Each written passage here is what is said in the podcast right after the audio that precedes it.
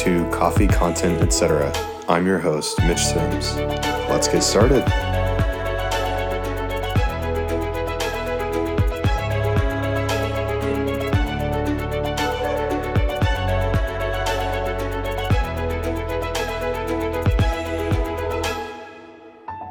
All right, guys, welcome to Coffee Content Etc. This morning, I have a wonderful friend of mine joining me, uh, Ms. Heidi Hartman. Heidi, how's your morning going so far? It is going well. How is your morning going? Started early, I understand. It did. It did. So we were we had the pleasure of chatting for a few minutes before we went through and jumped on this morning, and we were talking about uh, kids that go through and are learning to adapt in this crazy environment while still trying to keep their day to day going. So, this is a picture of my niece who is going through and doing schoolwork with her kindergarten class, actually pre K. And so that was my sister's house. And then shortly after, I get the guilt text from my wife that, oh, this is how our morning is going as you can see, my daughter, that is not a happy face. so we have uh, we have gone through and hit full meltdown mode. I think at about seven thirty this morning. Oh, dang! You've got to love it when when kids go through and get taken off their daily schedules, and you're not able to go through and redirect them easily. It does make for interesting days, nights and sometimes you wake up at 4:30 in the morning and find your 7-year-old on an iPad. So that does not go through and make for an easy day by any means. well, Heidi, before we get started, I wanted to go through if I'm going to run through your background. I'm going to try and do this quickly because this is I don't want to skip anything. Oh, just shorten it. Oh, I don't I don't want to leave any of this out. This is such good stuff. So Heidi and I have known each other for probably about six years now, on and off through uh, the circles of HR. And I will have to admit that when I asked for Heidi's bio, I didn't even know some of these things. So I hope I am able to go through and give you guys some information on how awesome Heidi is here. So 20 years in corporate HR, master's in human relations, uh, even went through and studied at Oxford for a time um, multiple executive coaching certifications, um, American Training Development accredited coach. And to go through and put a cherry on top of all of that is a yellow belt in Lean Six Sigma. She's currently the president of TAHRA, and she's the OKHR Council Director elect in all of her free time, and has done and was part of Leadership Tulsa in the or for the class of the 44th class. Right. Now well, I was president. Go ahead. Go ahead. Um, I was president of TAHRA, but not now. Thank you for that. I appreciate that. Um, and then in her spare time, she spends with Chris, their two daughters, two cats, and two dogs who I were I was lucky enough to go through and meet the other day and also serves on several nonprofit boards. So Heidi and I have a wonderful thing to just go through and talk about today, which is emotional intelligence. This is something that is near and dear to my heart, and I was really excited when Heidi mentioned this was something that uh, she would like to speak on. And so I was really curious because everybody, it seems like, has a different definition of emotional intelligence in general, what it means to them, what it means to their company, uh, what it means to their clients. So, Heidi, what does emotional intelligence mean to you? I'm pretty simple. And to me, Mitch, it is really the science of how we show up. How do we engage with others? How do we make them feel? Um, understanding really how we come across and have that self awareness. There's a quote by John Whitmore all around awareness empowers us, and it empowers us to really stop and think about what's our intent, how do we want to come across, And the way that we manage that self awareness, awareness of others, um, our emotional reasoning, and inspiring performance. So to me, it's just how we show up and how we engage with others and, and the way in which we build those relationships. Sorry, Heidi, you got a little pop up there. Um, so, what is the perceived benefit of emotional intelligence to a company's employees? Yeah. So, we all have emotions that are going on all the time, and there's about 85% of them that we're not even aware of. And um, as individuals in organizations, what really can benefit us is if we're able to stop and manage those emotions. The World Economic Forum talks about um, the top 10 skills that you need to grow in the workplace that help you be successful. And emotional intelligence is one of those top 10.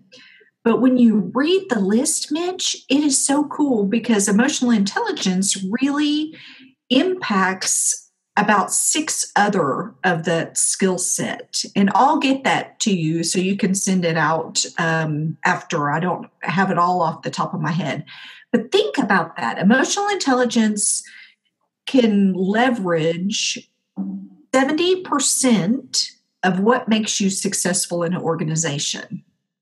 So if you're able to focus on that and manage your emotions, um, think about the way in which you want to come across, how you want to make others feel, and be really intentional about that. That is going to help your career grow in whatever area you want to grow. Now, don't get me wrong, you still have to nail the job that you're doing and have that skill set to do the work but it is that uh, 70% of what is going to get you ahead has to do with emotional intelligence. And as individuals, we really can have control over our career based on the way that we show up and engage others.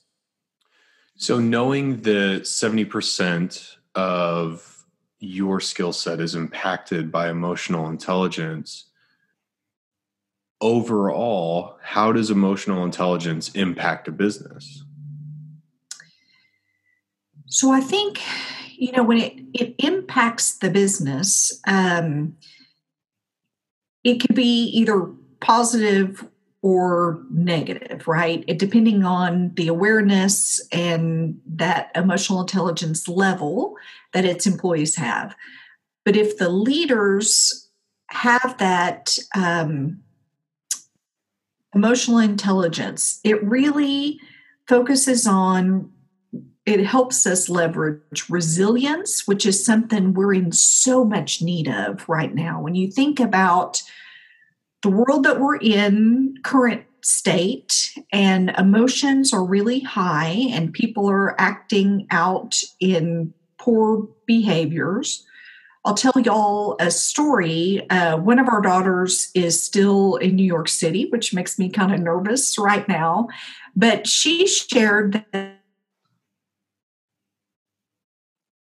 That um, she went to Target to buy some water, and she had a fight with this older gentleman who won, by the way, um, in the middle of Target. And it wasn't the toilet paper, right? It was his fear, that scarcity, those things that are going on, and it impacts our organizations. It impacts our workplaces because it's the way that we interact with each other.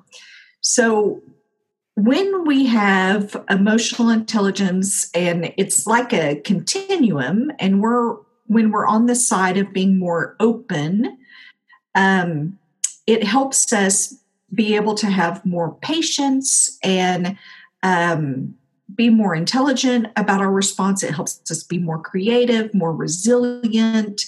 It helps us um, increase our sales. It helps us with uh, really the bottom line. When we're on the other side of the continuum, where um, our emotional intelligence may not be as high or as strong, then it really narrows our ability to be creative and resilient. And you take on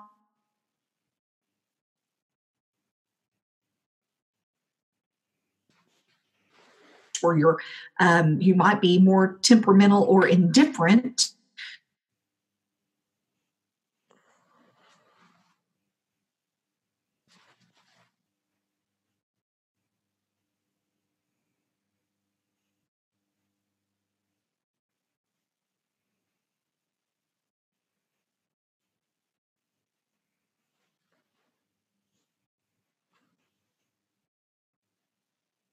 utilize and grow and build in your people um,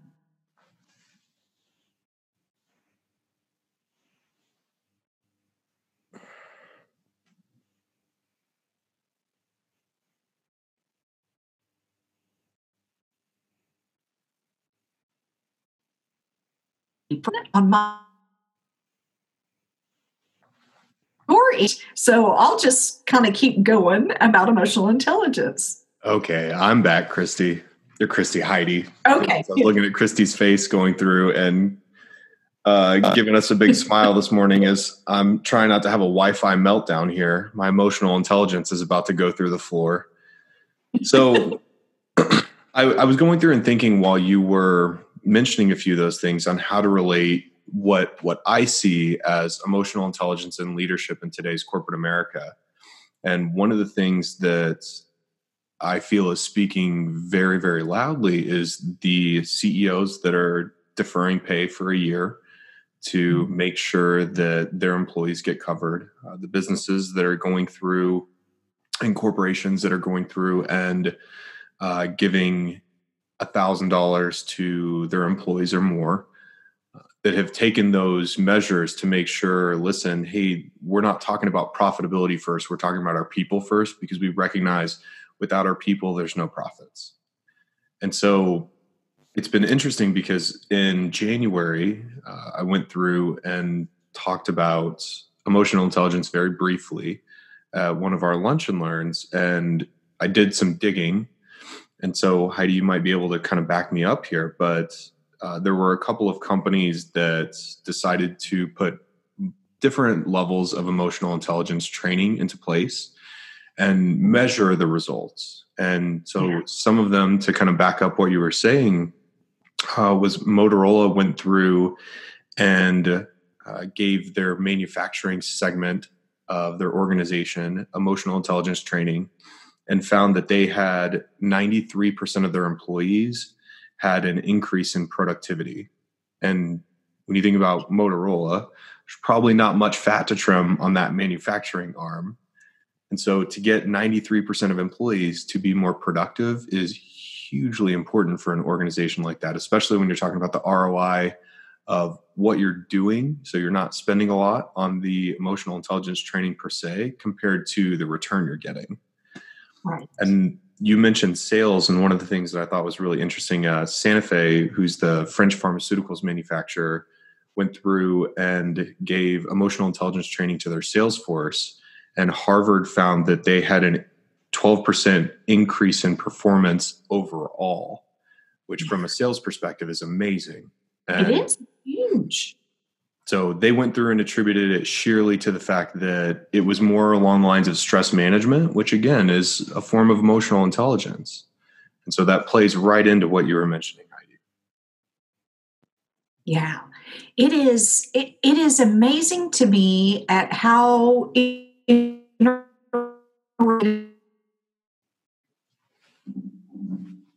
air we breathe, Mitch, um, for good, or you can use it in a for evil, right? I mean, when you have low emotional intelligence, um, you see there's higher turnover, you've decreased employee engagement, decreased sales. Um, when people are um, stressed out, that is narrowed down, right? Or when they're just unaware of um, how it could be leveraged. And I'm reading a book right now, um, the new Lencioni book on the ideal ideal team player. And it's funny now that I've, um, you know, I've always been interested in emotional intelligence and have read a lot around it. But um, the recent certification that I got around the assessment tool, the GenOS assessment tool, now I'm just seeing it everywhere. It's like when you buy a new car and um, or you decide to buy a car and then you see it like everywhere and you hadn't seen it before and just to see how pervasive it is and how successful or um, frustrated supervisor or leader with good emotional intelligence can make the difference in an organization.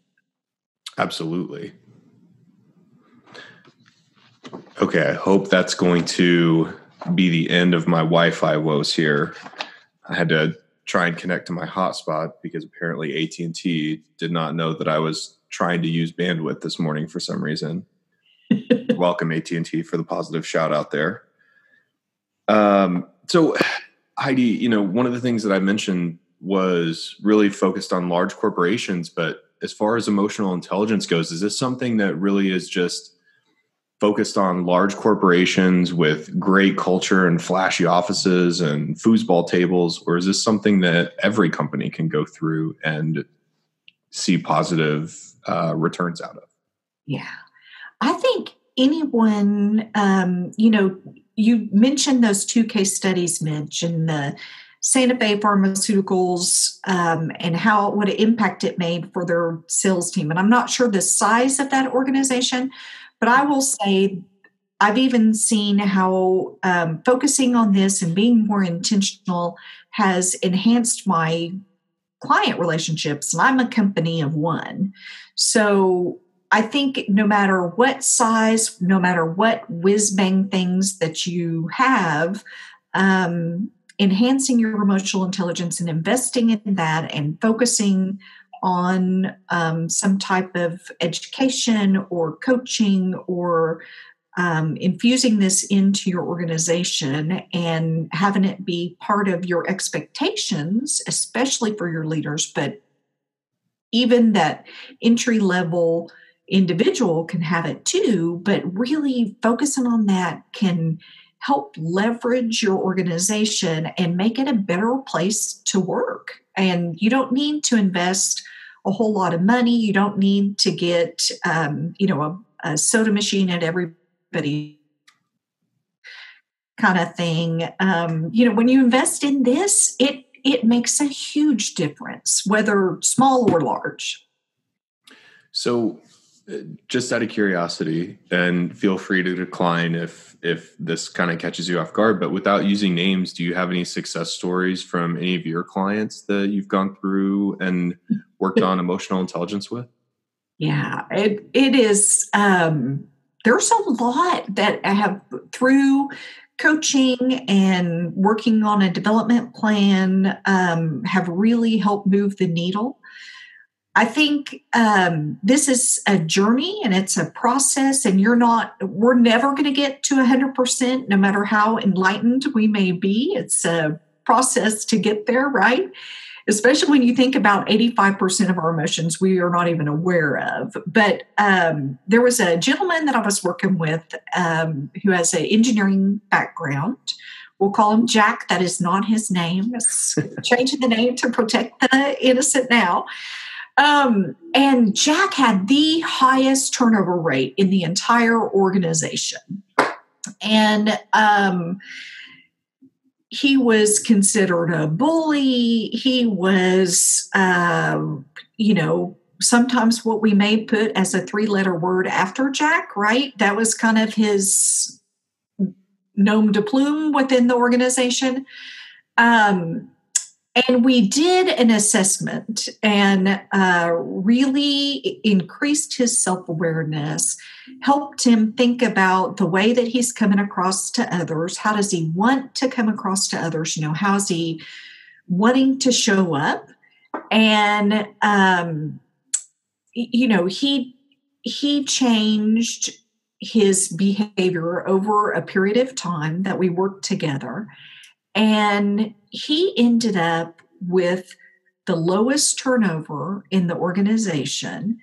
Um, I caught him stopping to ask his employees, so, you know, how's your kid's soccer team?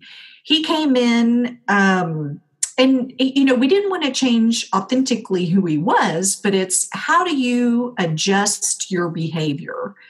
And um, my friend Adam Seaman, who is um, like the strengths guru, um, has this model called the coin model. And it is how do we connect with the behavior of what's going on?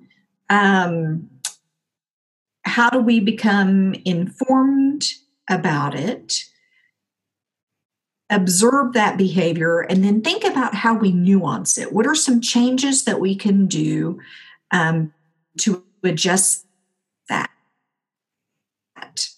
And Zach was able to adjust that. He he would still be very um, forthright he came into my office and was like, Heidi, I need blah, blah, blah. You know, it was very uh, dictatorial.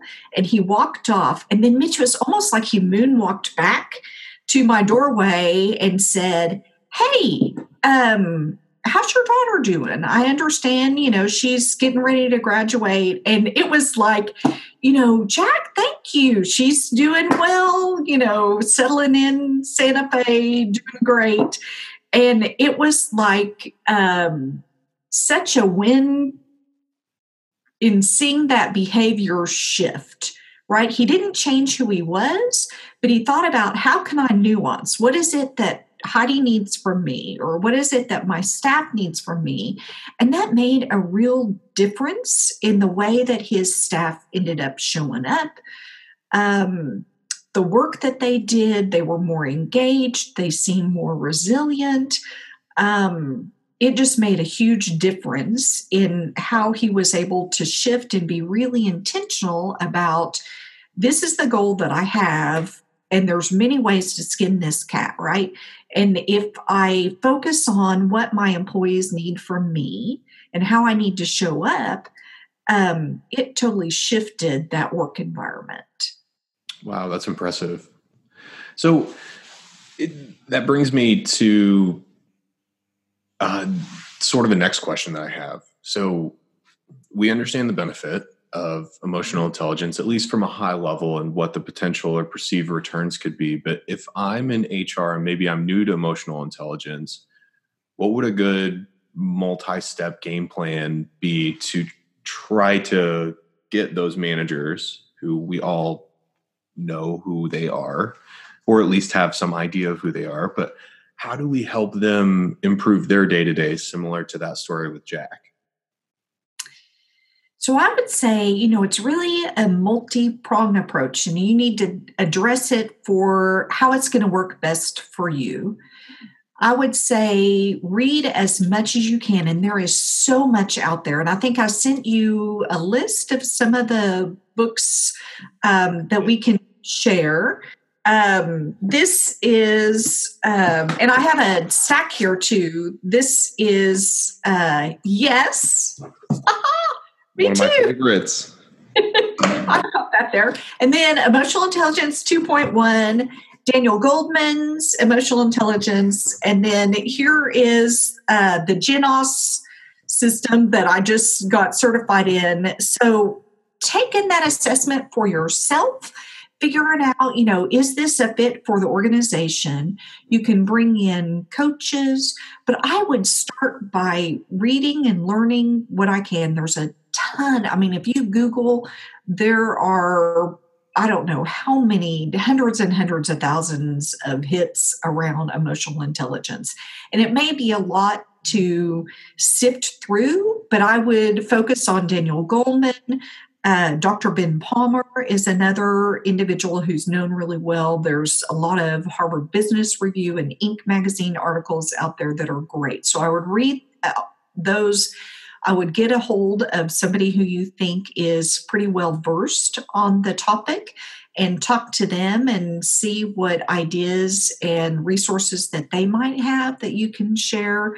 Um, I mentioned bringing in a coach um, who could help your leaders with that and um, in you know our state i know of some really good ones. Um, and then you know think about how you can model the way in being that true business partner with your leaders and I wouldn't say, you know, to your CEO or executive team, okay, y'all, we need to bring in some emotional intelligence to this organization. I wouldn't necessarily use that terminology, right? I would say, I would find out what are those key levers that really can move our organization. So, is it, um, you know, we're having super high turnover. Probably not right now, right? But um, are employees engaged or not engaged? Um, how's our sales force? Can we enhance that? What are the levers that are really key to the leaders? And think about ways that you can use their same terminology to bring in ways to say, okay, if we want to increase our um, resilience or creativeness in the organization, if we want to leverage employee engagement, if we want to um, enhance sales, here are some things that we can do. And here are some case studies that um, Mitch Sims told me about that we can look at. And I can provide some more around those too. Um, but you know there if you look at what are those levers and then think about how we can leverage that for our organization and make a difference i believe that this is something that can really set us apart from our competition and you look at we're in kind of the the fourth uh, industrial revolution with artificial intelligence and what is going to set our organizations apart is really the emotional intelligence. That's great feedback. So heidi i mean i feel like we were able to cover a lot in a really short amount of time, but is there anything in particular that you feel like we overlook that is vitally important for the audience today? Yeah. So thank you, Mitch. That is a great question. I would say right now, in our current environment with COVID 19, and thinking about how important emotional intelligence is and helping people deal with this um, and thinking about what we need to do to to help our employees. You mentioned some of the companies that are doing some great things and where CEOs are not taking their salaries. And I've been working with a lot of leaders on you cannot under communicate. I mean, sorry, you can't over communicate right now, right?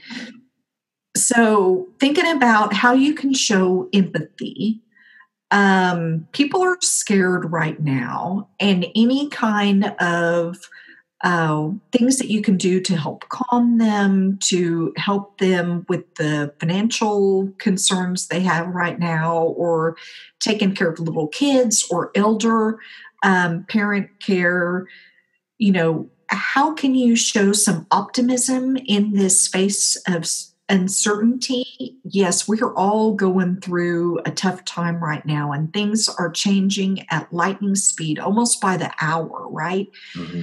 So it is thinking about um, we're we're probably not going to go back to the way things were, and I see um, in the chat box there was a question about the new normal, and you and I were talking about this beforehand too things are going to shift and we all have to be as flexible as we can and understanding. And i know previously um, christy had talked about giving grace where we can. Um, summer talked about you know some of the mental health challenges that are going on right now to be understanding and tolerant and open as we're able and be aware of what our triggers are are really key and it's thinking about how can you know we're under stress too so how can we take care of ourselves because we have to fill our vessel before we can take care of others. So that self care is so important.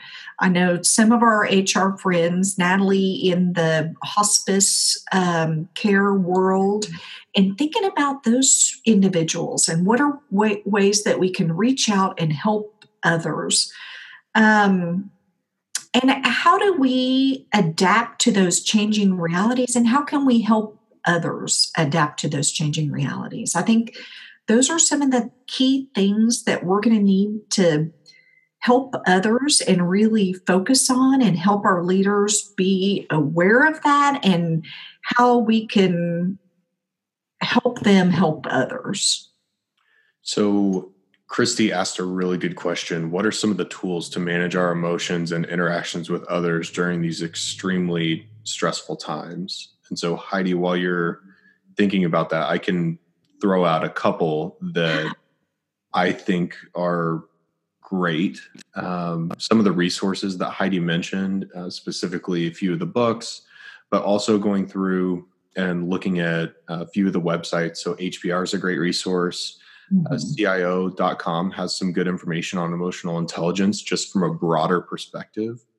But then, like Heidi said, you know, going through and listening to Summer's conversation around how to just stay mentally healthy is a great resource as well right now. but Heidi, do you do you have anything specific that you can build on with that? I think there's probably some things that we could share. That coin model that I mentioned is just a really easy, great way to think about. Ooh, um, I know I'm being triggered right now, or I see that leader's being triggered. How can I intervene and help them be more successful or what are things i need to like just walk away from a conversation think about it and come back when my blood pressure is down a little bit more right um, we were talking about kids earlier and and you know I, I think our emotional intelligence can serve us in so many ways not only in the workplace, but really at home too, in all our relationships. And um, sometimes we're hardest on the people that love us best because we know that we have that unconditional love. And to be able to give that grace and help um, stop ourselves and walk away, take a breath, um, mindfulness, and just breathing and um, some of those things that we learned in kindergarten, right? Count to 10. Yeah. Um, our breath can take us into situations if we don't have, if you know, if we allow it to be that shallow breath, and it can take us out of things too if we breathe in, breathe out, and just count in our head um, like we were taught in kindergarten. So, Sarah mentioned uh, something that I've noticed in emotionally intelligent leaders right now. They're the ones first addressing the emotional turmoil and stress their employees are dealing with. Yeah. Um, I'm a I'm a huge Elon Musk fan, and he's very well quoted for saying, uh, "Our managers don't lead from ivory towers. Like we're all in this together." And I think all of that feeds into itself, not only from the standpoint that Tesla, SpaceX, et cetera, are very stressful work environments and very well known for that. But mm-hmm. everywhere is a stressful work environment, no matter where you're at, maybe just different levels of how we deal with it. But I, I do agree 100%, Sarah. It's, it's very apparent which organizations or which you know individuals are adept to deal with stress and handle it well emotionally and others that are really struggling with that I agree, Sarah. And, you know, to think about that flexibility too. Um, Mitch, you mentioned Elon Musk. I mean, he's shifting to making ventilators, right? So, how can we retool, um, keep our folks employed, and engage them? So, Cindy asked a really interesting question. Um, I'll read the whole the whole quote so that it sets up well. But there's awareness and then there's willingness to change once you're aware. Mm-hmm. How can we encourage our employees to change once we make them aware and can you really impact someone's my mouse is over that i apologize i think it says ver oh versatility scale that is a great question i think um you know we can lead a horse to water and it's their decision to act or not. Um I think if we're able to help them see the benefits and um, the value in making that change and be able to show them examples where others have been successful, then that can influence them to change. And, um,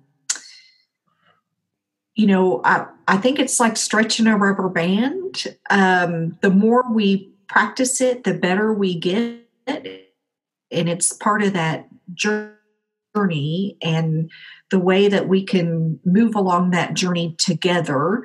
And just like when we do training, to have that accountability partner and to ask them for their help and say, hey, this is something I'm working on and would like your feedback and to help me through this journey um, will help increase that versatility scale and stretch that rubber band and help people be them their best selves. And then the last question comes from Josh, and I think this is a this is a really good way to look at this uh, as far as the perspective goes. But what are some important things to keep in mind as leaders as we return to the new normal? So I think that some of the key things to try to remember is um, how we were in this crazy time that we're going through right now, how we can be more open and creative and um, continue to grow that resilience I believe that right now people are more open to trying things. The new normal is funky monkey. We this is something none of us have experienced before, and even um, you know I've been working from a home office for ten years. These past two weeks have not been a normal work from my home office kind of time um, and I have found that I've gotten really out of my routine. Um, and there are some things that I'm able to be more creative. It's allowing me to work on some big projects and do a lot of research and things like that. And then to think about how, when we get back to our workplace, whatever that's going to look like, how can we keep some of the key things that we're growing and learning these new skill sets and bring those into the organization? How can we focus on being more resilient, um, continuing to engage our employees, and being as flexible as we're able to be? Um, and based on what are those needs of the business as well as our employees. I think to go through and round that off, that goes back to what Christy said in the very first session, which was we all just need a little bit of grace right now. Yeah. Well, guys, I want to thank everybody for joining us today. This concludes coffee content, etc. I want to extend another huge thank you, Heidi, for joining me today and joining all of us to go through and talk about emotional intelligence in a time where we could all use a little bit more of it. And as we said before, a little bit more grace. Uh, but thank you very much for joining us. It was such a great conversation. Thank you so much, Mitch. I really enjoyed it and great to see all you guys. It is, it just does my heart good. Well, everybody enjoy the rest of their day. Have a wonderful Thursday, great rest of your week, and stay well, everybody. Until next time. Bye, you guys. Take care.